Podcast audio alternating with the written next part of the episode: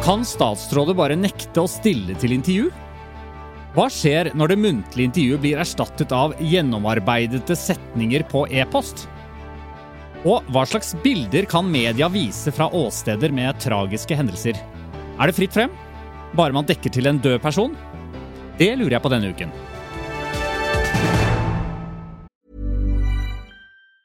You should celebrate yourself every day, but some days you should celebrate with jewelry. Whether you want to commemorate an unforgettable moment or just bring some added sparkle to your collection, Blue Nile can offer you expert guidance and a wide assortment of jewelry of the highest quality at the best price. Go to BlueNile.com today and experience the ease and convenience of shopping Blue Nile, the original online jeweler since 1999. That's BlueNile.com. BlueNile.com. Wow! Nice. What you're hearing are the sounds of people everywhere putting on Bombas socks, underwear, and t-shirts made from absurdly soft materials that feel like plush clouds. Yeah, that plush. And the best part? For every item you purchase, Bombas donates another to someone facing homelessness. Bombas. Big comfort for everyone. Go to bombas.com slash ACAST and use code ACAST for 20% off your first purchase. That's bombas.com slash ACAST. Code ACAST. Det er Tut og Mediekjør du hører på. En serie for deg som vil vite mer om hvordan mediene fungerer. Hva ligger bak disse redaksjonelle avgjørelsene som du leser og hører hver eneste dag? Og ser. Eva, det er så godt å ha deg her. Åh, vi utfyller hverandre bra. Ja, vi gjør jo Ja. egentlig det, altså. Eva Sandum, kommunikasjonsdirektør, holdt jeg på å si. Leder. Eh, kommunikasjonsansvarlig. Kommunikasjonsdirektør i Tut og Mediekjør, i hvert fall. Ja, veldig bra. veldig bra. 14 år i PFU, det er derfor du er. Du kan presseetikk. Svein Tore Bergestuen, også velkommen til deg. Takk, takk. Jeg er jo i mitt puterom her eh, ute i Asker. Det er trivelig, det. Men du, kan jeg bare skyte inn Altså, Dere sa hva, hva ligger bak de redaksjonelle avgjørelsene som du hører og, og leser og ser. Men det er jo ikke de redaksjonelle avgjørelsene vi hører og leser og ser om. Det er jo, det er jo det er resultatet av de redaksjonelle avgjørelsene vi leser og ser. Vi må være nøyaktig. Hvis ikke så blir vi beskyldt for fake news. Så du mener at uh, de redaksjonelle avgjørelsene, det er ikke noe jeg leser i avisen? Men veldig få ganger så, så gjør man rede for de redaksjonelle avgjørelsene.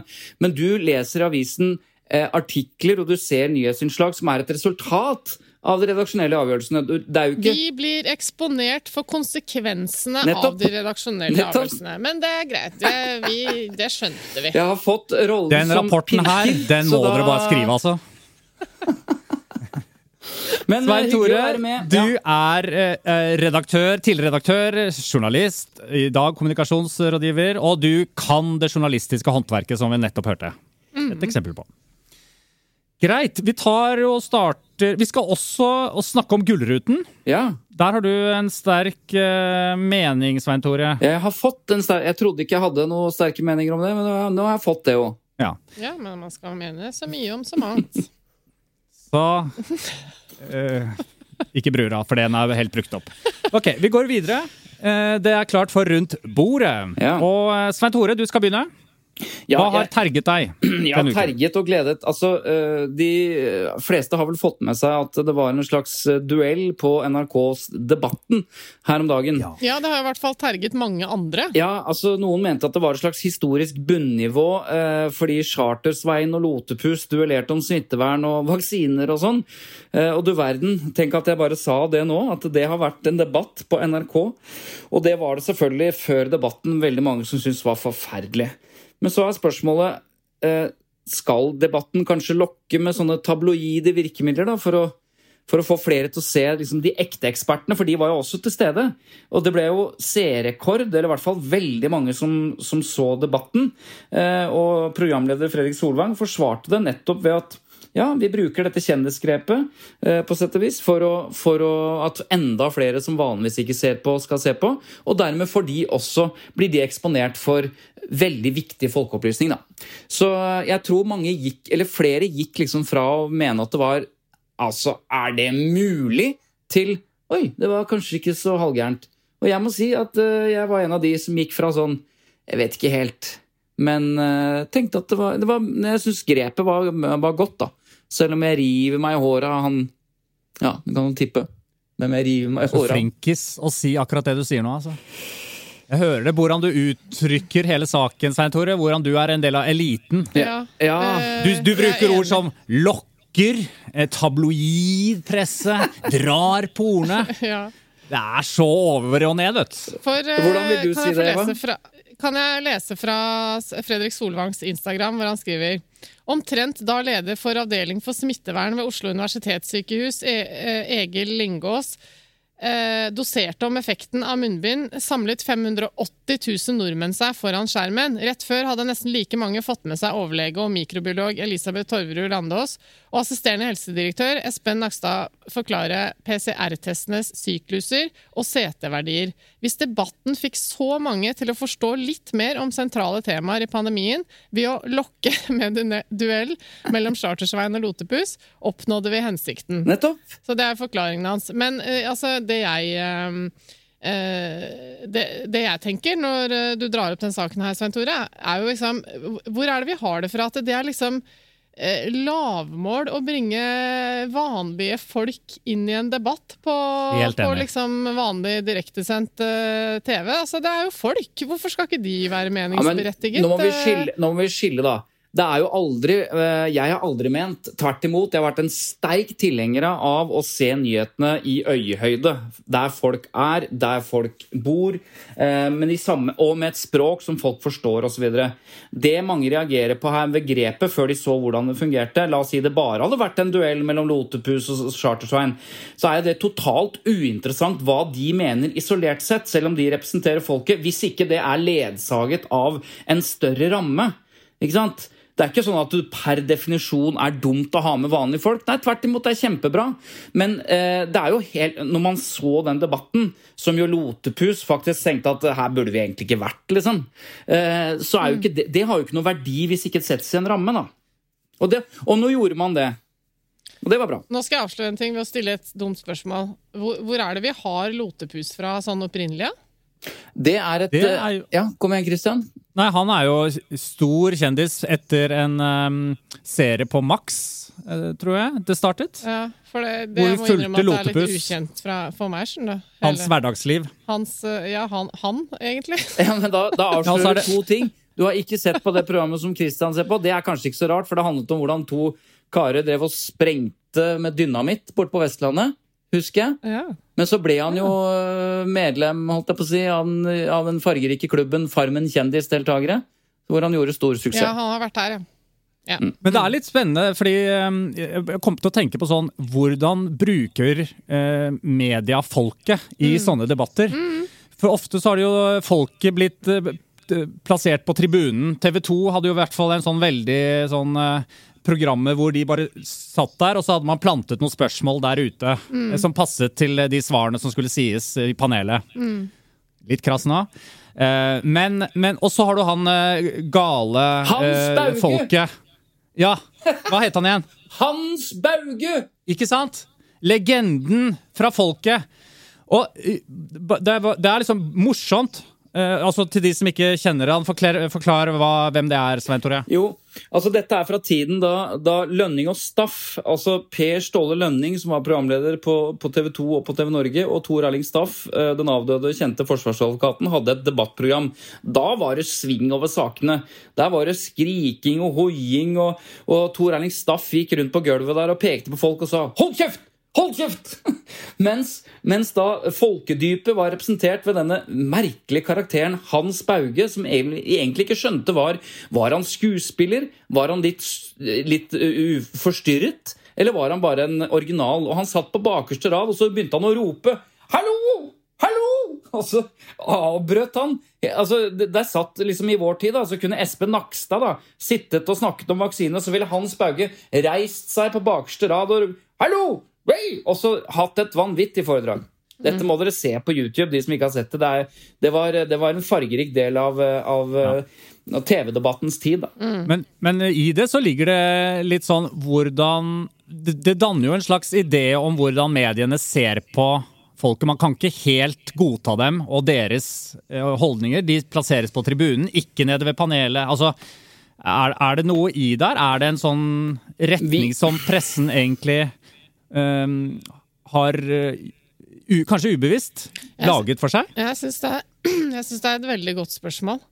Eh, Jeg tror nok ikke at det er rettferdig å si at det er sånn det er nå, men jeg syns allikevel det er legitimt å stille, spørs legitimt å stille spørsmålet, fordi eh, jeg tror det har vært sånn. eh, har vært et problem. Og så tror jeg alle journalister har blitt flinkere, delvis også via sosiale medier, da, til å få tilgang på flere stemmer, flere folk. Og jeg har jo også tenkt at eh, gjennom dette pandemiåret så har det også vært noe positivt, som er at eh, ettersom de uansett må inn i stua til folk, gjennom kjøkkenvinduet til folk, folk må koble seg opp på videolink og sånn, så er det akkurat som at det har også gjort litt lettere å spørre litt andre folk, for at alle er litt mer likestilt. Da. Før var det liksom eliten som kom inn og, og skulle være eksperter rundt bordet hos Dagsnytt 18 og sånn. Det er mulig at det er feil, men inntrykket mitt er at det liksom er flere som er med nå, da. Rett og slett fordi at eh, de sendingene der har senket terskelen litt. For, eh, for det å være med. Ikke sant? At nei, det er greit at du er med hjemmefra. Så det er bare et inntrykk jeg har. Og Jeg så, tror- ja. Jeg tror du har helt rett, jeg, og jeg, og jeg tenker at Har ikke jeg rett, da? Altså, jo, du har også kjemperett. Veldig bra, Christian. Bra spørsmål. Husker ikke hva det var, men det avledet eh, i hvert fall en god diskusjon. Og nå kommer mitt innspill. Er du klar? Din monolog til diskusjonen, vær så god. Nei, men poenget er at eh, Media, har jo, media har jo, bruker jo folk på en litt rar måte. Enten så er det sånn typ fem på gata, hvor man egentlig skal ha folk til å si det de allerede tenker at de kommer til å mene, og så bruker de det. Altså Litt sånn meningsløs sånn folkeopinion-greier, hvor vi ikke blir kjent med kildene. Det er bare tilfeldige folk. Eller så er det da gjerne ofre. Altså caser hvor folk har opplevd noe greier, og så er det trist og rart. Det det er for lite av, det er vanlige folk som mener ganske mye, eh, velbegrunnet, og du kan høre litt mer hvorfor de mener det, hva slags situasjon de er i, uten at de er en sånn random fem på gata på Karl Johan, eller et offer for myndighetenes maktovergrep, eller, eller hva det måtte være. Altså, eh, og det tror jeg du har rett i, Eva, at, at den derre tilgjengeligheten som, blir, som har blitt gjennom det å koble opp folk på, på, på Skype eller å intervjue eh, til, Tilgang på kilder har, har, har pussig nok blitt bedre nå som vi ikke er eh, sammen. Det er jo et eh, paradoks, og, og kanskje har vi lært noe av det. Ja, for jeg husker også Da vi hadde Sigrid Sollund her, så snakket vi litt om, eh, eh, om hva mediene kunne gjøre for å, for å få inn ulike stemmer og, og kilder i saker og sånn. Og, og så tror jeg jeg stilte henne spørsmålet ja, hva er løsningen da? Kan dere få inn litt mer folk fra gata, på en måte? Eh, hvor mitt inntrykk var at nei, det skal det jo ikke. Eller, altså, for jeg tror at debattene er liksom forbeholdt ekspertene, da. Ja. Eh, I stor grad altså, i media. P2 Ja, og P2 og, og Dagsnytt 18 er jo det. Ja det er jo et sånn beslutningstager, politiker, debattprogram, på en måte, så det er kanskje Ja, så rart at men- ikke de begynner å Nei, men hele poenget da synes jeg er at det er litt morsomt å observere at Fredrik Solvang og Debatten, da, altså på NRK og på TV, prøver nå med små skritt å tilnærme seg litt nye målgrupper. Eh, De, gjør, de gjennomfører debatten på en litt annen måte. De har dette innslaget som en start for å liksom fange Eller for å få inn flere og sånn, og så, og så er det allikevel disse ekspertene. Og bakteppet for meg er jo også det at det, jeg er så drittlei av å våkne hver morgen til den samme nyhetssendingen på radio. Eh, I hvert fall hvis man hører på de nyhetstunge kanalene som liksom, uh, NRK Nyheter og P2 og sånn. da, Så føler jeg at det er bare en sånn runddans av koronanyheter. Uh, og det er de samme ekspertene som snakker om de samme tingene, er så lei av det. Og man har jo selvfølgelig forståelse for at vi er i en pandemi, liksom. Det må komme informasjon, så det er ikke det. Men det er, bare sånn, det er så forfriskende også at det er bare noen vanlige folk i samfunnet som har sine berettigede meninger om ting, som også kan få lov å stå for denne debatten. da. Så du ville heller kanskje våkne opp hver morgen med Chartersveien og Lotebuss? Eh, Kanskje noen flere enn akkurat de to, men eh, i hvert fall hadde det vært forfriskende å våkne opp til eh, debatten med noen andre bidragsytere enn eh, enn de samme fire stykkene. ja. Før vi går videre, så har jeg lyst til å bare lese hva Fredrik Solvang svarte på nettopp denne kritikken han fikk ved å invitere inn Lotepus og Chartersveien til debatten. Ja. Solvang sier jeg føler konseptet med dørgende kjedelige akademikere i forutsigbare ordskifter på TV allerede er utprøvd. Den nåværende Debatten-redaksjonen har ingen slike fordommer, men gjør en grundig journalistisk og redaksjonell jobb, sier Solvang. Bang! Bang, der fikk du den. ha, bang, mic drop, bang. Og- Jeg føler, så er jo heller ikke føler jeg noe konseptet er utprøvd. Jeg er heller ikke noe tilhenger av at man driver og kaller folk Altså Når han står i debatten, han har et navn, og det mener jeg å huske at alle de som var til stede i debatten, brukte også, istedenfor å kalle folk Chartersveien og sånn. Det er jo veldig altså, Det er jo bare å, å sette folk i en unødvendig bås, da. Vi går videre på runden rundt bordet, og da har vi kommet helt rundt svingen her, bort til, bort til den platteplanten som står på bordet. Og der sitter Eva Der Sandum! Hva har du tenkt du på denne uken? meg? Ja, det var potteplanten jeg beskrev. Ja, men jeg er så fin i dag, for jeg har vært og gjort en sånn intervjujobb. Du så jeg har en tatt meg kjole og Ja, kjempefin, Emma. Tusen Du har takk. tatt på deg kjole og har Du var så flink til det den- før, har- Er det en blomster til på? Svart til kjole? Radio. Mørkeblå med Ingen rosa som hører meg lenger. Ja, det er litt mørkt i studio. Greit. Hva har du tenkt på Du, denne uken, Jeg, jeg syns det er på sin plass ja, å nevne at eh, skal vi si legenden, altså en redaktørlegende, har jo takket for seg denne uka her. Amund Juve uh, går av som eh, Dagens Næringsliv-redaktør etter 22, 22 år i jobben. Og han blir faktisk hylla av sine redaktørkolleger. Og jeg håper å si, han har jo da vært redaktør i DN uh, siden før jeg skjønte hva DN var, antagelig. så, så, så, Hva trodde du det var først? du? Er, er, du, er du 29, eller er du 30 år, eller hvordan? jeg ble på en måte Leste ikke så mye aviser før. Nei, ikke det i hvert fall. Men det lurer jeg på litt. Når da en DN-redaktør går av etter 22 år i jobben Jeg abonnerer jo på DN. Kommer jeg til å merke noe da? Hvis en, når en ny redaktør Hvorfor skal jeg bry meg om det sånn rent sånn som leser av Igjen DN? et godt spørsmål, syns jeg, Kristian. Uh, det Jeg vet ikke. Uh, det vil jeg tro. Altså, at, en, at en ansvarlig redaktør setter sitt preg på en redaksjon og en avis. I uh, hvert fall hvis det er eh, et menneske med gode strategiske evner og liksom langsiktighet. Og det har jo åpenbart eh, herr Juve da hatt, siden han har sittet i 22 år. Eh, og jeg vil vel si at DN, eh, i hvert fall fra mitt perspektiv, eh, har, har Altså, det har, det har vært mye graveprosjekter. De har jo vunnet masse SKU-priser, og det gjorde de også nylig. Veldig mange flotte artikkelserier hvor de virkelig finner ut av ting som ingen andre redaksjoner følger. Da. Altså, de tar opp saker som de selv har gravet frem. Masse, så jeg, det er derfor jeg sa det jeg sa om at det var før min tid. For, at det, for meg så har jo Dagens Næringsliv eh, kommet opp som en avis som ikke er en næringslivsavis, sånn som jeg så på det før. Det er jo en interessant avis, spesielt lørdagsutgaven, da, vil jeg si. Eh, er jo mm. kanskje en av de beste avisene, syns jeg fremdeles, på papir. It's that time of the year. Your vacation is coming up. You can already hear the beach waves, feel the warm breeze, relax, and think about work.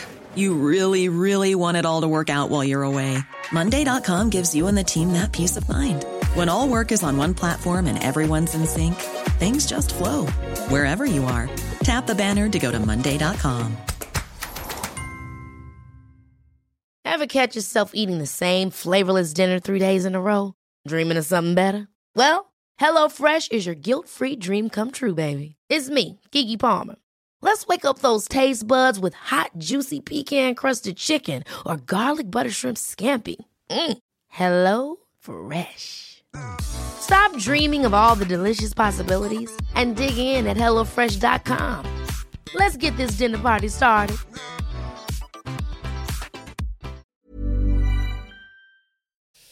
Lørdagsavisen. Men Amund Juve er jo Jeg, jeg, jeg syns vi skal være forsiktige med å strø, oss, strø om oss uh, om legendestatus i, i mediebransjen, for det skal mye til. Men han, han tok jo over etter det som vel må vi enes om var en legende, nemlig Kåre Valbrokk. Og selv om Amund Juve ikke har eh, fått legendestatus enda, så har han i hvert fall gjort en fantastisk jobb. Og så husk på han har vært redaktør i en papiravis uh, som har gått igjennom på en måte he, altså Tenk deg medieutviklingen de siste 22 årene. Eh, og han har sittet ved rattet hele tiden. Og det er som Eva sier, DN, har, DN har, eh, er denne avisen som har vunnet flest eh, SKU-priser. Eh, eller var det SKU-priser og diplomer? Det er i hvert fall en vanvittig eh, satsing på, på viktig gravejournalistikk. Mm. Så nei, hør, hør. Han, er, eh, han bør få sin blomsterbukett og sin vin, men han, han blir jo i, eh, i dette systemet, da, for han skal vel fortsatt være sjef i det som heter NHST, som er konsernet som eier Dagens Næringsliv. Og hva For de som er- måtte interessere seg for det. For de som måtte interessere seg for det. Hva er gravejournalistikk, eh, Svein Tore? For de som ikke helt skjønner det begrepet. Nei, det er jo jeg som skal stille spørsmålet. Eh, Svein Tore, hva er gravejournalistikk, for de som ikke helt vet det? Det er en fellesbetegnelse på en type journalistikk som, eh, som er ofte egeninitiert, og hvor man uh, jobber veldig systematisk og metodisk med en sak over lengre tid for å grave fram ting som ikke er åpenbare. Altså Det skiller seg jo veldig fra liksom, dagsordenjournalistikk. da. Bare å lage reportasje på det som skjer fra dag til dag, uke til uke. Og DNs eh, graveprosjekter de kan vare i to, tre, seks måneder, et år, ikke sant? hvor de jobber med den samme saken, og de går ut av produksjonen av vanlige nyheter og jobber bare med dette. Og det innebærer masse spennende metode, metodebruk også, og det mest spennende er jo f.eks. det vi populært kaller valraffing, eller det å bruke skjult identitet, som jo DN-journalister har gjort flere ganger. Man utgir seg for å være noe andre, for, for det, og det er da eh, kombinert med skjult kamera og, eller skjult mikrofon og sånn, for fordi det er den eneste måten å få tak i den type deep state-hemmeligheter, eller hva det måtte være. Ja. Altså, det er veldig fascinerende. Et eksempel på dette er jo den store artikkelserien og saken som DN har hatt over en periode med hva Equinor har holdt på med i USA, f.eks. Ja. Okay. Så det er, eh, ja, det er eh, gravesaker. Men eh, da er vi vel ferdig med runden rundt bordet, hvis Ja. ikke du hadde noe? jeg hadde, jo, jeg har en liten ting. Det er noe du må beklage, Svein Tore. Igjen! Oi, igjen? Ja, fordi forrige Jeg har fått inn en lytter som reagerte på noe du sa forrige eh, episode. For da, for, da beskrev jo jeg lytterne som eh, eh, seriens girkasse. Ja. Eh, at hvor viktige lytterne er for denne podkasten. Og da rettet du meg, Svein Tore, eh, og sa at eh, de fleste kjører jo automatgir i dag. Dermed er girkassen helt ute. Det er ikke så viktig lenger. Det er feil. Jeg har fått en lytter som sier at biler med automatgir har jo selvfølgelig også, eh, også girkasse. Ja, ja, selvfølgelig har de det, Ja. men det, altså, det vet jo ikke folk som kjører automat. De forholder seg ikke til selve begrepet girkasse. Det var poenget mitt. Ja, Men du kan likevel beklage, da, for å, det er jo en lytter som Ja, ønsker seg det. Ja, da, da, da, da tilfredsstiller lytteren og sier at det beklager at jeg ikke poengterte at selv om de fleste kjører automat, så finnes det selvfølgelig da en girkasse inni den jævla bilen som girer for deg. da. Så Altså, nå jeg kan det skjønner det. passe å legge på et smil mens du sier det, og ikke være sånn vondbråten og misfornøyd mens du beklager, Svein Tore. Hadde det ikke vært for alle lytterne, så hadde vi jo hatt det helt topp. Skal vi se. Klipp den. Nei, nå ble det feil. Ok, okay vi går nei, til sak én. Eh, dette må klippes vekk, selvfølgelig. Jeg elsker lyttere som gir tilbakemelding og, og korreks og dette. Det gjør oss bedre, og det er eh, tipp topp. Ja til tilbakemeldingskultur! Du er ikke flink på å gi komplimenter. Ok, dere, vi må videre. Må vi Eh, videre. Dette er sak én. Kan man nekte å la seg intervjue som statsråd? Utgangspunktet for den, dette spørsmålet er eh, Klassekampen denne uken, som refser næringsminister Iselin Nybø. Um, og de refser næringsministeren fordi hun ikke eh, stiller opp i intervju med avisen. Men er det, er det sånn hun generelt stiller ikke opp på intervjuer, eller har dette skjedd eh, liksom en gang, og så er, handler saken om det? Det var litt unyansert her nå. Ja. Det hørtes ut som hun var liksom, Det hun har tatt være- en beslutning om at nei, jeg stiller ikke til intervju. Det, svaret på det er nei. Det kan ikke en statsråd gjøre. Nei, og det er det ingen statsråd som gjør. Men uh, i enkeltsaker så har det Altså, de har hatt en forespørsel inne, og dette er en sak uh, som omhandler denne, den, uh, Frank Bakke-Jensen, som jo da er tidligere forsvarssjef. Mm. eh, altså Eller for, forsvarsminister, mener jeg. Ikke tidligere, han er vel fortsatt det. Eh, han skal bli direktør i Fiskeridirektoratet, og så har de bedt om et intervju med ministeren, og det ba de om 10. mars. Og de har fortsatt ikke fått et intervju. Eh, De har fått noe svar på e-post, men de har altså ikke fått noe intervju. Og da, da bruker eh, Klassekampen og nyhetsredaktøren der det som et som et, eh, et eksempel eh, for en, for en trend da, som jeg syns er mer interessant å snakke om. Nemlig at det blir eh, flere og flere som, som unndrar seg det muntlige intervjuet og så svarer på e-post. Dette har vi diskutert før, og vi sitter jo som rådgivere Eva, og får disse spørsmålene fra kundene. Bør vi stille opp i intervju, eller skal vi ta det på e-post? Ja. Og vi mener jo ganske mye om det. Men, men Da mener jeg er du jo, at ja, det må du, så et sier jeg ja, nei, du burde få spørsmålene på forhånd. Ja. Tusen takk for to råd. Da gjør jeg noe, jeg. Ja. Men kan vi ikke høre først hva, hva, som, er, eh, hva som er poenget til, eh, til nyhetsredaktøren i, eh, i Klassekampen? Altså, dette her er Sindre Tallaksen. Nei, jeg spurte ham Simen hva som var problemet i Ja, ja, selvfølgelig er det Simen. Hvordan går det an å si Sindre, liksom? Får vi lyttere nå som skal klage på det òg? Ja, det gjør vi. Ok. Simen Tallaksen, eh, og jeg spurte ham hva som var problemet i, eh, i denne saken. Eh, Hovedessensen for oss er at vi rett og slett ikke får svar på de spørsmålene vi har i saken. Og at måten vi får svar på, er oppstykka, delt skriftlig i e-poster. Ofte får vi ikke svar på de vanskeligste spørsmålene. Så at i helt konkret denne saken med Nybø, så ba vi om et intervju med statsråden 10. Eh, Hun vil ha alle spørsmålene skriftlig. Det gikk vi til slutt ned på. Men etter at vi sendte de over, så, så sa Nida at hun kunne ikke svare oss før hun hadde svart Stortinget i en høring. Eh, greit, vi går tilbake til henne etter høringa og ber om et nytt intervju. Eh, men også det intervjuet ble avvist. Og nå har vi i praksis en stående intervjuforespørsel som Næringsdepartementet bare har ignorert i, i godt over en måned. da. Ok, hvis dette er utviklingen, ehm, at maktpersoner, statsråder, ikke vil stille til intervju, svare skriftlig. Hvilke konsekvenser mener du det får og kan få for journalistikken? Den viktigste konsekvensen er at eh, journalistikkens aller viktigste verktøy er intervjuet. Og det som skjer nå, er at intervjuet gradvis er i ferd med å dø. Eh, jeg mener, altså Min kjepphest er at det er ingenting som heter et e-postintervju. For hvem er det egentlig man intervjuer da? Er det statsråden? Er det rådgiveren hennes? Eh, Hvordan skal man forholde seg til at svarene eh, ofte kan ignorere eh, vanskelige spørsmål? Eller at svarene bare er en generell uttalelse? Hva gjør man når man har et oppfølgingsspørsmål? Skal man da sende en ny mail og vente nye 24 timer på kanskje å få et svar? Så konsekvensen vil jo være at eh, vi må bli mye mer konfronterende. da. Jeg vet ikke om det er noen parter som er tjent med det. Kanskje man bare må begynne å overraske statsråder eh, i upassende situasjoner og hamre løs med detaljerte spørsmål om en vanskelig sak.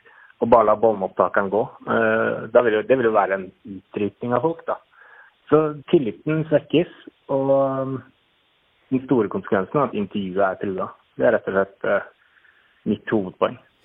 Jeg har sjelden hørt noen som så presist eh, virkelig beskriver problemet med den utviklingen her. For dette her, Han sier jo rett og slett ut at faren er jo at selve intervjuet, det viktigste verktøyet, dør. Altså hvis man ikke får gjort intervjuet muntlig. Og det er et kjempepoeng, altså. Jeg har hørt det før, jeg. For jeg har nemlig intervjua han før. Nei, men gi deg nå!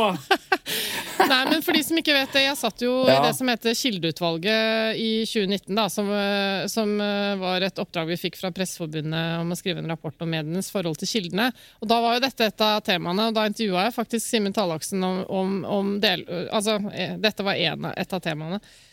Eh, og, og det, det er liksom vanskelig å forstå før man hører denne gode begrunnelsen hvorfor det er så problematisk. For det er lett å tenke at eh, et intervju kan da bli mer presist eh, skriftlig. Ja. Eh, for det er jo også sant at det til tider kan bli mer presist, i hvert fall sett fra kildens perspektiv. At da vet jeg at jeg blir riktig sitert, jeg får tid til å formulere meg litt mer fornuftig osv.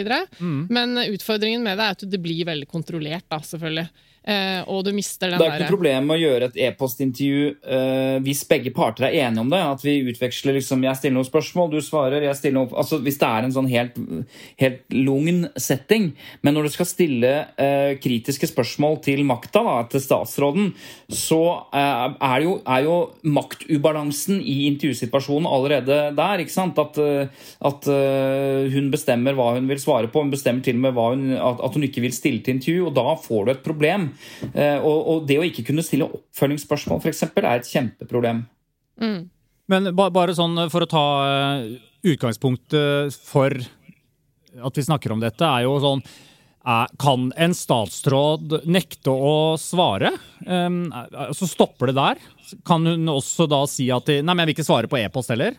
Eller har statsrådene en slags plikt til å stille opp når de først er i den posisjonen de er? Jeg vil si at uh, en statsråd har en plikt til å, til å, svare på spørsmål fra mediene. Ja. Ikke til enhver tid og, og i enhver setting og sånn. For uh, det er jo kanskje det som mediene innimellom kan glemme.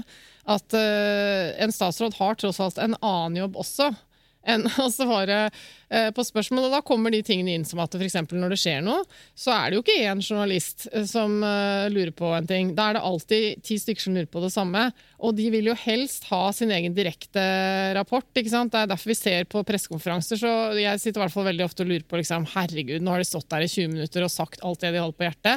Hvorfor må alle TV-kanalene da ha et individuelt intervju og stille de samme spørsmålene hver for seg etterpå? Men det er jo den samme dynamikken at alle ønsker Men det er liksom, noe annet, da. Ja da, men det, prinsippet er liksom det at eh, at det er mye jobb å svare på medienes henvendelser, også for en statsråd. Så svaret er jo at ja, de må gjøre seg tilgjengelig for eh, mediene. For de skal jo rapportere til kundene til statsråden, holdt jeg på å si, altså folket. Men jeg så jo næringsminister Iselin Nybø. Hun nekter jo eh, for at dette er eh, et problem at hun nekter å late seg intervjue og sånn. Så i, i svaret hennes i, mot Klassekampen mm. så sier jo hun at jeg har jo kommentert dette i andre anledninger. Altså, mm. Så det er nettopp det du er inne på. Mm. Som hun mener da. Jo, jeg men, kan men, ikke Men husk på, det, det, det, er stor forskjell på å ha anledning til å svare alle. Det ligger en intervjuforespørsel fra Klassekampen siden 10. mars nå skriver vi 30. april. Jeg har ennå ikke fått snakke med henne. Det er problemet. Jeg har stor forståelse for at statsrådet ikke kan serve 22 medier på én dag. Liksom. Har, nå har jeg sagt dette, og jeg velger å, å gi en uttalelse til NTB, NRK, VG. Jeg har ikke tid til noe annet. Det, det er for så vidt greit fra dag til dag, men dette her er jo et, et spørsmål hun helst ikke vil svare på, mm. åpenbart, og hun vil sende det skriftlig for å ha kontroll. Det er problemet. Mm. Og så til spørsmålet ditt. Jeg er helt enig med Eva at eh, det stilles større krav eller det er mer forpliktende. En, en, statsråd står mer til ansvar for folket og dermed også mediene enn det en, en næringslivsleder gjør i et privat selskap. Liksom. Er, du skal strekke deg lenger. Men det betyr ikke at statsråden skal svare på, eh, på personalspørsmål f.eks. knyttet til eh, ditten og datten. Som jo de, altså det er ikke alle saker man må stille til intervju på. Og der kom vi litt inn på det som Jeg prøver å gå litt til meg selv som kommunikasjonsrådgiver. Har jeg da noen gang rådgitt noen av kundene til å ikke stille intervju og bare svare på e-post. Og da er det to to, eller type, to situasjoner hvor jeg vet at jeg har gjort det. Det ene er i møte med journalister som har vist seg at de ikke er redelige. Altså Journalister som ved flere anledninger ikke har gjort premissene klare for intervjuet. Altså Når du møter journalisten, så får du plutselig eh, spørsmål som ikke var eh, hvor, hvor, det var ikke en del av det premisset for intervjuet. og Noen bruker den type teknikk som er uredelig. og Da har jeg sagt at da får du si fra om det, og så møter du ikke vedkommende før de, er, mm. før de følger presseetikken. da. Og det andre situasjonen er hvis det er ting du egentlig ikke eh, kan stille til intervju på. Du kan bare si, altså Svaret ditt er én setning det er en personalsak å si dette sånn og sånn, vi kan ikke si noe mer om det. Mm. Da er det ikke noe poeng å stille til, til et intervju når, når, du må gjenta den setningen 100 ganger. Eh, og da er vi kanskje i grenseland da, for interessekonflikt mellom journalister og, og, kilder, men det er i hvert fall de to jeg kan komme mm. på. da. Mm. Jeg kan komme på en ting til også. Det er at det, eh, det finnes jo saker noen ganger hvor du, hvor du står i en vanskelig situasjon som f.eks. bedriftsleder eller noe sånt noe.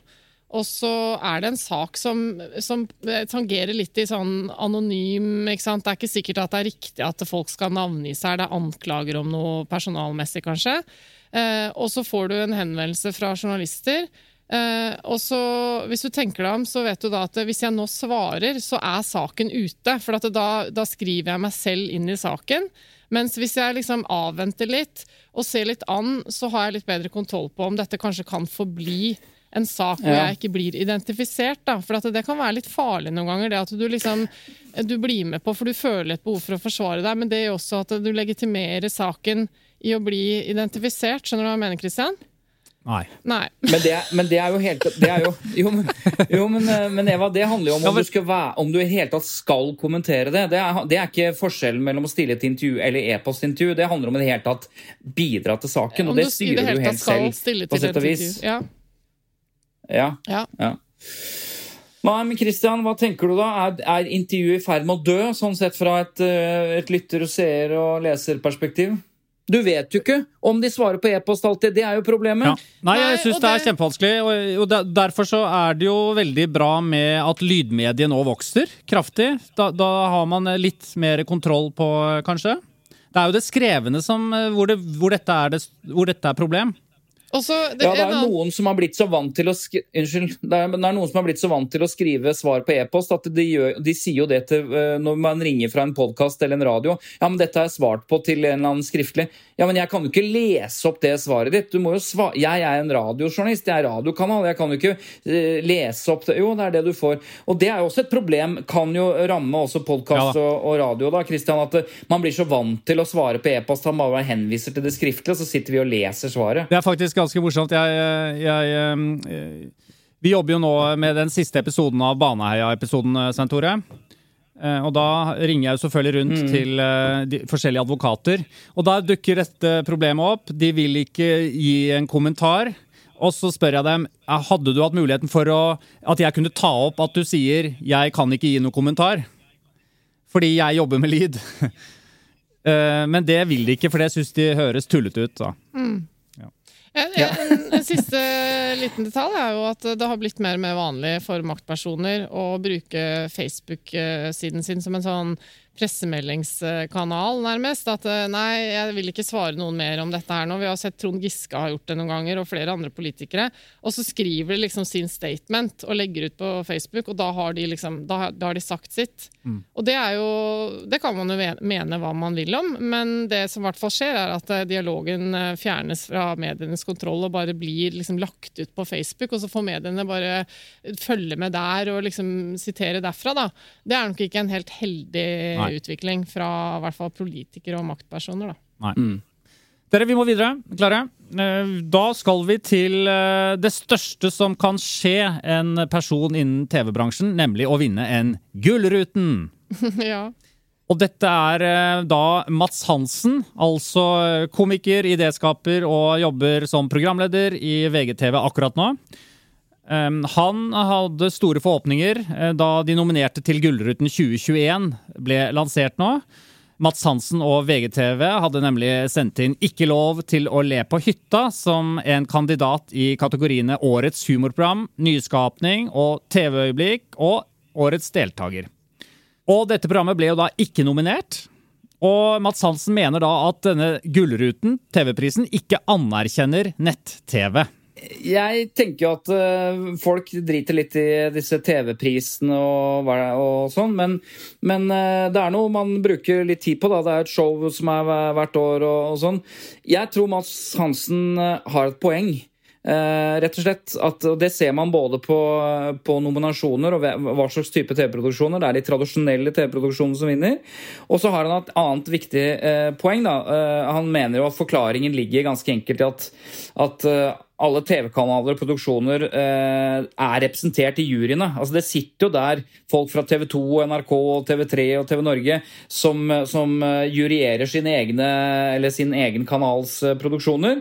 Eh, og det er ingen fra, i juryene eh, som, eh, som er fra nett-TV. Og, og det er ikke sikkert det er grunnen til at ikke det blir nominert, eller at alle, eller ikke lov til å le på hytta ikke vinner pris. Men det er jo et betimelig spørsmål, da, syns jeg. Men ja, Eva, du rakk opp hånden. Ja, jeg bare syns uh, akkurat det du sier, at uh, du tror folk driter litt i disse TV-prisene. Grunnen til det, i så fall, er jo at de føler at de er irrelevante. Og grunnen til det igjen er jo i så fall at eh, det oppleves som en sånn andedamsgreie, hvor de bare sitter en gjeng og forherliger seg selv. Og dette problemet kjenner jeg litt igjen, for jeg jobba jo i reklamebransjen tidligere. Der har man også en haug av sånne kåringer. Eh, og utfordringen der også er jo at man har en kåring som eh, anses for å være liksom bransjen selv og de som jobber med å lage reklame, kårer sine egne greier. Og det betyr ekstremt mye for dem, akkurat på samme måte som Gullruten betyr mye for de som lager TV-programmer. Eh, Men så er det ikke så viktig for kundene og bransjen for øvrig, og de som egentlig er kjøpere av reklame, fordi at eh, de føler seg ikke som en del av det. De kjenner seg ikke igjen i hva som kåres til bra og dårlig. og sånn? Så jeg tror det er liksom eh, Det kommer jo i så fall av at det oppleves ikke relevant for publikum. Hvis det er bare bransjen som sitter og hyller seg selv. i så fall. Nei, og og det kan godt si. Nå tenker jeg at eh, rekl altså reklamebransjens prisutdeling, som også har blitt sendt på TV, det har de slutta med, heldigvis. Nei, Den det er, har de ikke. det er vel enda fjernere fra folk, da? Er det ikke det? Jo, men det er jo da tror jeg ikke du følger det med, Svein andre priser gullfisken tror jeg Ja, ok, men eh, jeg, hvis jeg skal sette meg Jeg kjenner jo både mediebransjen og reklamebransjen, men, men jeg kan forstå at seere ikke er interessert i å forholde seg til reklamebransjens pris, men TV-programmer som de har et forhold til, har jo Gullruten faktisk vist at de klarer Altså, det har jo vært typ en halv million seere på den Gullruten-utdelingen, da. Så helt fjernt for folk eh, er det jo ikke. Men så skal det sies at eh, i fjor så tror jeg det gikk ned 200 000 i seere. Så, nå er det, så det kan godt hende det er på vei dit. Men poenget, hvis man da skal ta liksom prisen på alvor, så har Mats Hansen et, et ganske godt poeng. Og, og, og det til det poenget blir sterkere når vi hører hva eh, liksom hun som er sjef for Gullruten, eh, som leder produksjonsforeningen Virke, eh, når hun skal forklare dette her. For da, for da sier hun jo ganske rett ut, uten blygsel, liksom, at, eh, at eh, de fire kanalhusene NRK, TV 2, Discovery og Nent eh, er tungt inne som finansielle samarbeidspartnere for Gullruten og har vært det i alle år, og representerer fra kanalene, sitter derfor i alle juryene. Altså Hun sier jo rett og slett ut at de som betaler hele gildet, de sitter i juryen. Mm. Og sånn er det med den Og det saken. da Mats Hansen, det eh, gir jo ikke sånn, poengterer- innbyr ikke til tillit, da. Nei. Og det da Mats Hansen, bare for å ha det klart, det han da mener, eller skriver litt mellom linjene her, er at det er bare de som er, er i eh, juryen, som betaler inn, som får priser. Det er hans hypotese, da, Ja, men den ja. er vel ikke helt, eh, det er ikke belegg for det nødvendigvis. Men eh, det er i hvert fall det han stiller spørsmål ved. Vi må bare ringe til henne og høre. Ja, ring, da. Gullruten det er jo et spleiselag mellom eh, norske produksjonsselskaper og norske TV-kanaler. Og vi har hatt med oss NRK, TV 2 og Discovery og Nevnt i alle år. Og de er tungt inne som både finansielle samarbeidspartnere for Gullruten, og de har også da hatt juryrepresentasjon eh, fra alle disse kanalene i alle juryene. Det er historien, men jeg lurer på hvorfor det bare er de som betaler som får sitte i juryen. Det er ikke slik at det er bare de som betaler som sitter i juryen. altså Det gir et litt feilaktig bilde. Men vi har hatt et eh, langt og godt samarbeid med de fire kanalhusene som jeg nevnte. Og så sitter det også representanter fra produksjonsselskapene og fra studiesteder, mediestudiesteder i juryene. Og så er det jo dette med alle de nye aktørene som har kommet inn, eh, nett-TV-aktører, sånn som f.eks. VGTV, som eh, vi ønsker å gå i diskusjonen om hvordan de kan bli bidragsytere for Gullruten også f.eks. finansielt eller samarbeidsmessig framover, og gjerne også få juryrepresentasjon framover. De store mediehusene som ikke er TV-hus, altså VG, Aftenposten, andre, som jo har, ansvarlige redaktører, de har jo produsert nett-TV eh, i en god del år allerede. Eh, hvorfor er ikke VG, Aftenposten, Polaris, A-media eh, invitert inn i en sånn type juryering, i hvert fall, eh, for å kunne vurdere nettopp nettavis, eller nettproduksjonene bedre? Nei, Det har nok mest historiske grunner, fordi at vi har ikke per nå funnet en god måte å integrere dem i Gullruten-strukturen på. Men altså, dette er jo noe som vi diskuterer hvert år. Eh, Det er jo, er jo et skille mellom de som har drevet med lineær slash ikke-lineær TV, og disse aktørene som opererer på nett. Og så ønsker vi oss jo å være med i eh, medieutviklingen, naturligvis i Gullruten også. Og vi vil gjerne være i dialog og få innspill på hvordan vi kan løse dette framover. Hvordan tror du man påvirkes når man skal juryere egen TV-kanal? De som sitter i juryene våre, de blir for det første spurt om eh, habilitetsvurderinger eh, når de sitter der. Og så er det jo alltid sånn at det vil være noen som sitter i en jury som også tilhører en TV-kanal som har sendt programmet. Fordi at vi har de TV-kanalene vi har, og de programmene som er påmeldt, de har jo vært på alle disse kanalene. Eh, Så da er det jo viktig at eh, hver enkelt har eh, sin integritet i behold. Men vi kan jo selvfølgelig garantere for at ikke noen tenker ekstra på sin egen kanal. Men derfor er det jo nettopp viktig at vi har en sammensatt jury med ulike aktører som representerer ulike deler av bransjen. Og da er det ikke sånn at én enkelt aktør som f.eks. representerer en kanal, kan bli utslagsgivende for det endelige resultatet i den juryen. Det var altså Åse Kringstad, som leder Virke Produsentforeningen, og også uttaler seg da som ansvarlig for Gullruten. Mm. Vi rekker helt på tampen her en, et lyttespørsmål. Er dere klare? Ja. Det er Frank. Altså girkassa i Tut Tut og Mediekjør, da, som lurer på dette. Hvordan kan det ha seg at journalister, gjerne på radio, som stiller ja-nei-spørsmål, og som egentlig ønsker utfyllende svar, ser ut til å bli overrasket når de får korte svar? Hvorfor i huleste fortsetter de med det, når de åpenbart må se at det ikke funker? Hør f.eks. på Trond-Viggo Torgersen på Nitimen. Han er en artig fyr, men han kan jo ikke stille spørsmål. Jeg dramatiserer litt her. Jeg tenker dette er Svein Tores bord, men hører gjerne dere andres betraktninger også. Takk for det, Frank. Da kan vi jo begynne hos Eva, da. Hva er egentlig spørsmålet her? Jeg oppfatter spørsmålet som følger at når de merker at det ikke, går, at det ikke flyter å stille ja-nei-spørsmål fordi de får korte svar, så bare fortsetter de med det. Ja, Hvorfor jeg- gjør de det, Eva? Min, eh, min forklaring på det er jo at de ikke er gode intervjuere. Ja, det er jo litt uh, altså For eksempel, jeg forholder meg til Politisk kvarter. Begynner å bli veldig lei av det. Så pleier jeg å, å ta av det, faktisk. Det er litt sånn, det har jeg ikke sagt til noen før. Men eh, det, det, på grunnen til det er litt fordi at det, det er også sånn Si ja eller nei på dette spørsmålet. Er du for abort? Si ja eller eller det nei. Altså, det er sånn er at- store, kompliserte ting. Og så blir det litt sånn parodisk. jeg er litt lei av det. Jeg tror det er et annet aspekt eh, av det enn det kanskje lytteren her, eh, Frank, eh, faktisk tenker på. Mm. Men eh, det er jeg helt enig i det du sa nå. Eh, Det er en irriterende greie, og det er vel et resultat av at de på en måte prøver å skape Spesielt overfor politikere. ikke sant? Eh, Litt sånn bord i fanger, få dem til å si noe som de kan ta dem på etterpå. Eh, når politikken forandrer seg, eller de kan liksom vise til det når valget er ferdig, og nå holder du ikke det du sa hos oss for fire måneder siden, osv. Og, så og noen ganger også at de ønsker å skape en overskrift til nettsaken som kommer etterpå. Så de prøver jo å bringe ut litt klare svar og sånn, så jeg tenker at det er en annen greie, men eh, det er relevant, det òg. Det er, det er litt, jeg er helt enig, Eva. Det er, det er liksom, man ønsker sånn avklarende svar, ja eller nei. Mm. Eh, og så tror man at uh, det ligger noe verdi i det, som det veldig sjelden gjør. da. Men dette som, eh, dette som spørsmålet er veldig godt uh, sett, fordi dette er jo ufrivillig. Altså man, Du sier, Eva, grunnen er at det ikke er gode nok intervjuere.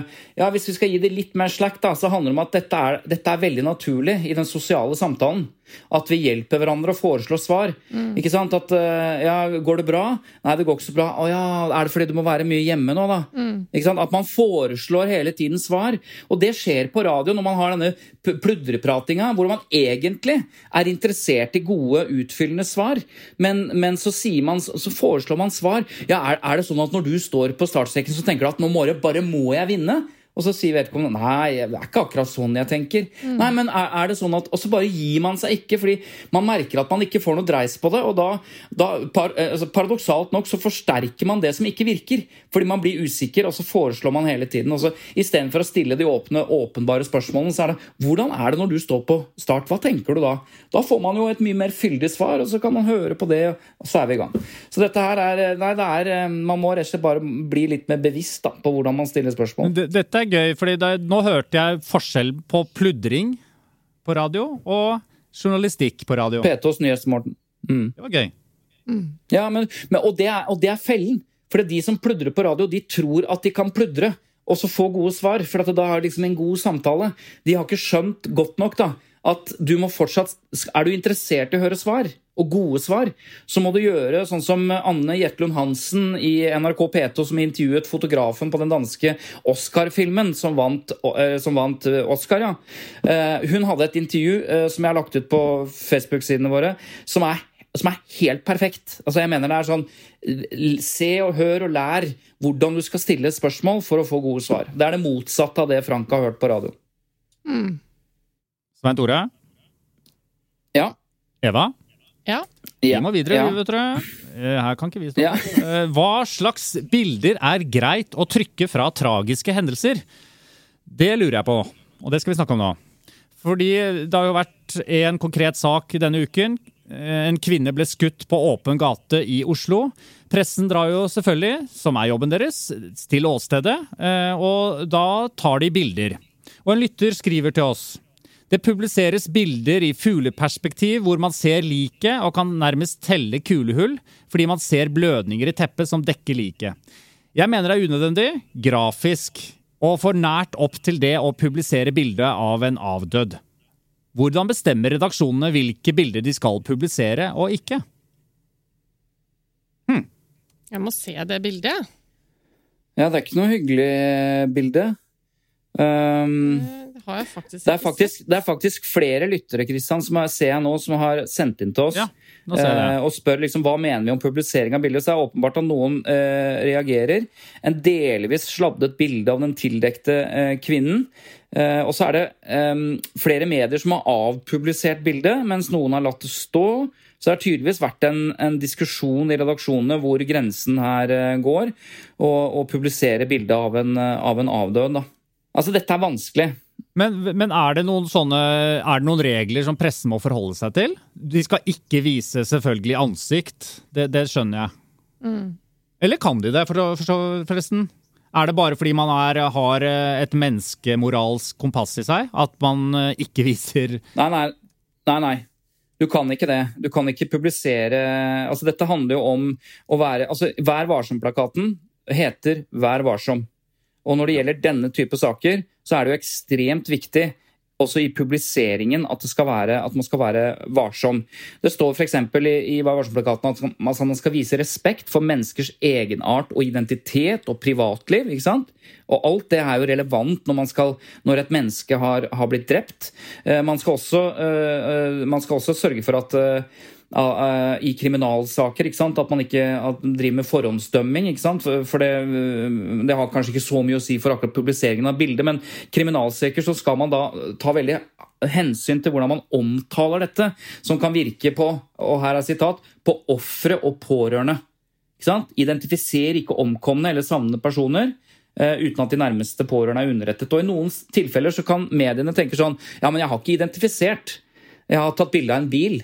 Ja, men den bilen var veldig lett gjenkjennbar. Så nå vet hele familien at, at eh, onkelen er død, liksom. Før han, eh, så det, her er det kjempeviktig å trå, eh, trå forsiktig. Eh, og det handler også om dette her, hvor det står 'vis respekt' for både egenart og identitet og, og pårørende osv. Så, videre. så her er det en balansegang med, med det som kalles offentlighetens interesse, som jo blir veldig sterk når sånne brutale eh, saker skjer. Eh, da vil jo folk vite hva som har skjedd, og man vil se. Og da er det en hårfin balansegang, og der eh, er det vel noe som tyder på at det siste her nå kanskje i hvert fall strider mot folks oppfatning av varsomhet. Egentlig hadde det vært en veldig interessant ting å høre eh, hvilke vurderinger som gjøres nå i de ulike redaksjonene på løpende bånd. Så det kan vi jo vurdere å spørre folk om til neste gang. Eh, Ja, for jeg tror det er typisk når det er en så stor uh, og, og dramatisk sak som liksom skutt på åpen gate i Oslo, i Norge. Eh, Da blir det sikkert helt kaos i redaksjonen, fordi det er for det første en så utrolig uvanlig sak. Uh, og så må de gjøre vurderinger på løpende bånd veldig kjapt. og sånn. For jeg reagerte litt på at det, det var veldig raskt i nyhetssendingen som jeg så på kvelden, eh, med liksom penger som eh, drapsmannen, eller den antatte drapsmannen eventuelt skyldte drapsofferet. Det var raskt inn på detaljer i bakgrunnssak her, da. Eh, som er naturlig at de liksom kommer inn på når de stiller spørsmål til politiet også. Men samtidig så tenkte jeg at eh, her kommer det mye informasjon som vi ikke vet om i det hele tatt er relevant. og sånn, Så det, ja, det er Mm. vanskelige vurderinger altså, når det er en eh, så dramatisk sak.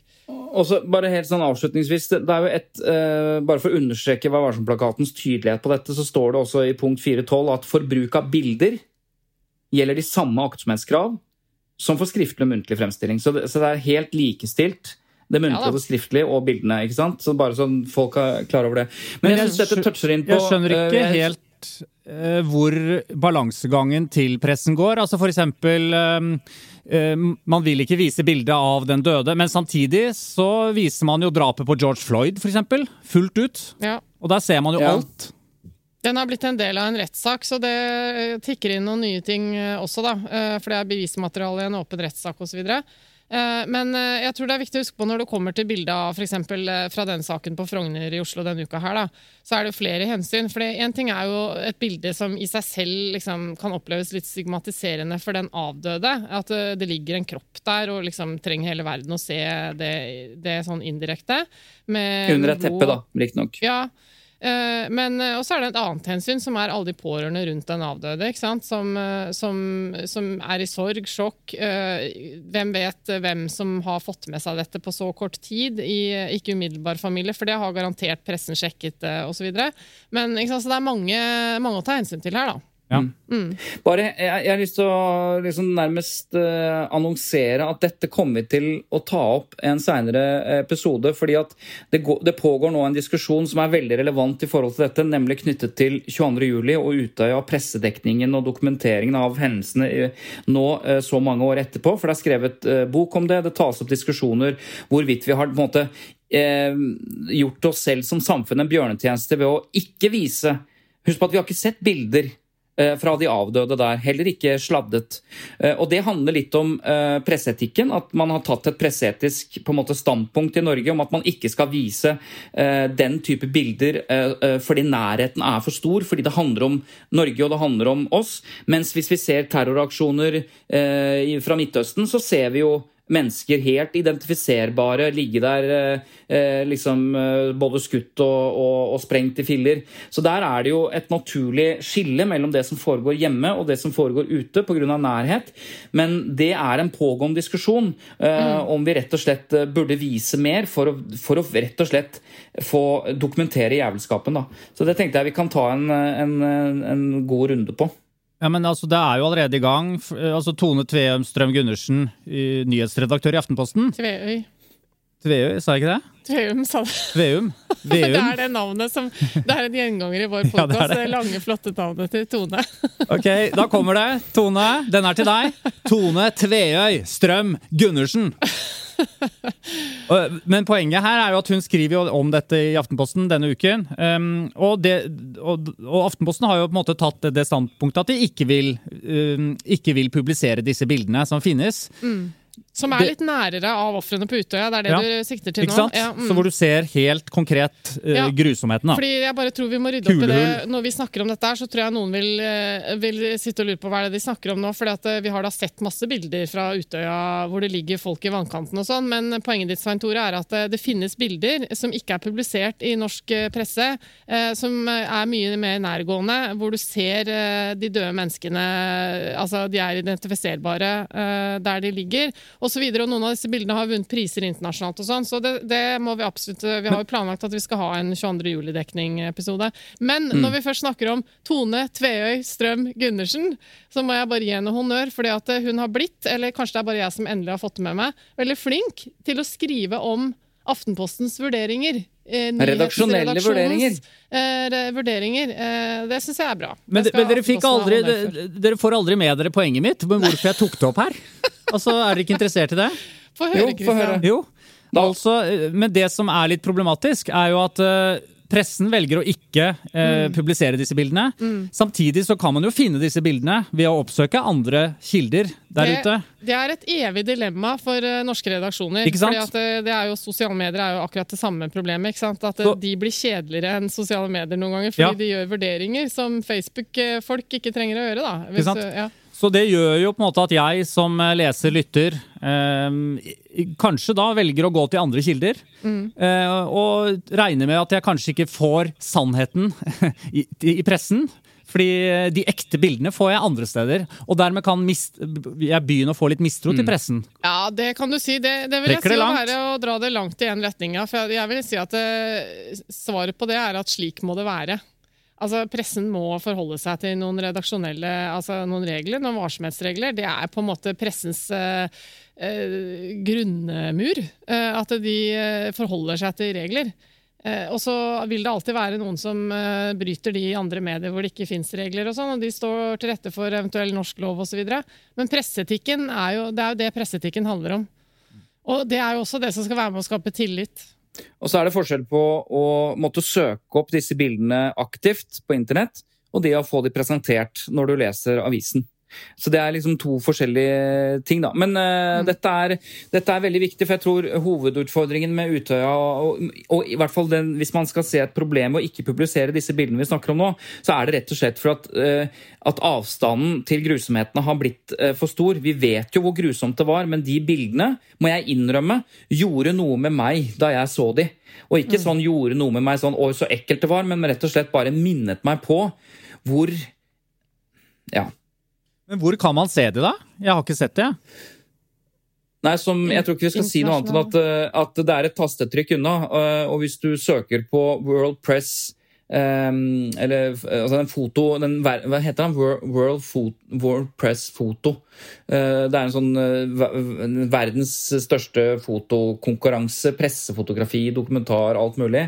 Så er det en svensk, en svensk fotograf som tok disse bildene på Utøya, som nå har vunnet en pris for dem fordi de dokumenterte grusomhetene. Som jo de ville vært. Og det er helt For folk som er utafor Norge, i USA, så ser jo de på disse bildene som, som, an, som andre bilder de ser på fra krig på. Eller, mm. eller, fra terroraksjoner, mm. ikke sant, som vi ser hele tiden. Så det handler om nærhet. Ja. Og det er fordi at det er også andre hensyn. Det er jo masse pårørende som uh, kanskje skal skjermes fra å måtte oppleve dette publisert uh, når det handler om deres egne som de har mistet og sånn. Så det er jo naturlig at det er litt andre vurderinger når det er nærmere, da. Dere, vi går ut uh, helt på bånn der. Eh, ja. Tusen takk, Svein Tore uh, Bergestuen. Takk, Eva Sandum. Jeg heter Christian Lidemar Strander. Du hører på Tut og Mediekjør. Og det og fortsetter det. Og det gjør du veldig lurt i. Ja, det syns jeg ja. Men du, forresten, har du et spørsmål, send det inn til tut. Krøllalfalydeproduksjoner.no. og så ha det. Ha det bra. Takk for nå. Ha det.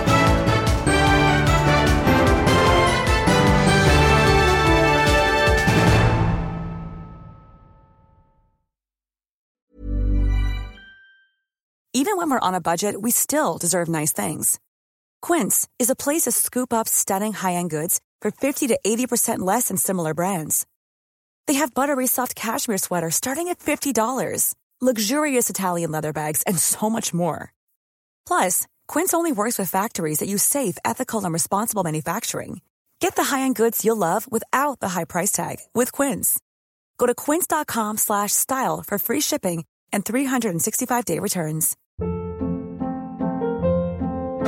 Hold up. What was that? Boring. No flavor. That was as bad as those leftovers you ate all week. Kiki Palmer here, and it's time to say hello to something fresh and guilt-free. Hello Fresh. Jazz up dinner with pecan-crusted chicken or garlic butter shrimp scampi. Now that's music to my mouth. Hello Fresh. Let's get this dinner party started. Discover all the delicious possibilities at hellofresh.com.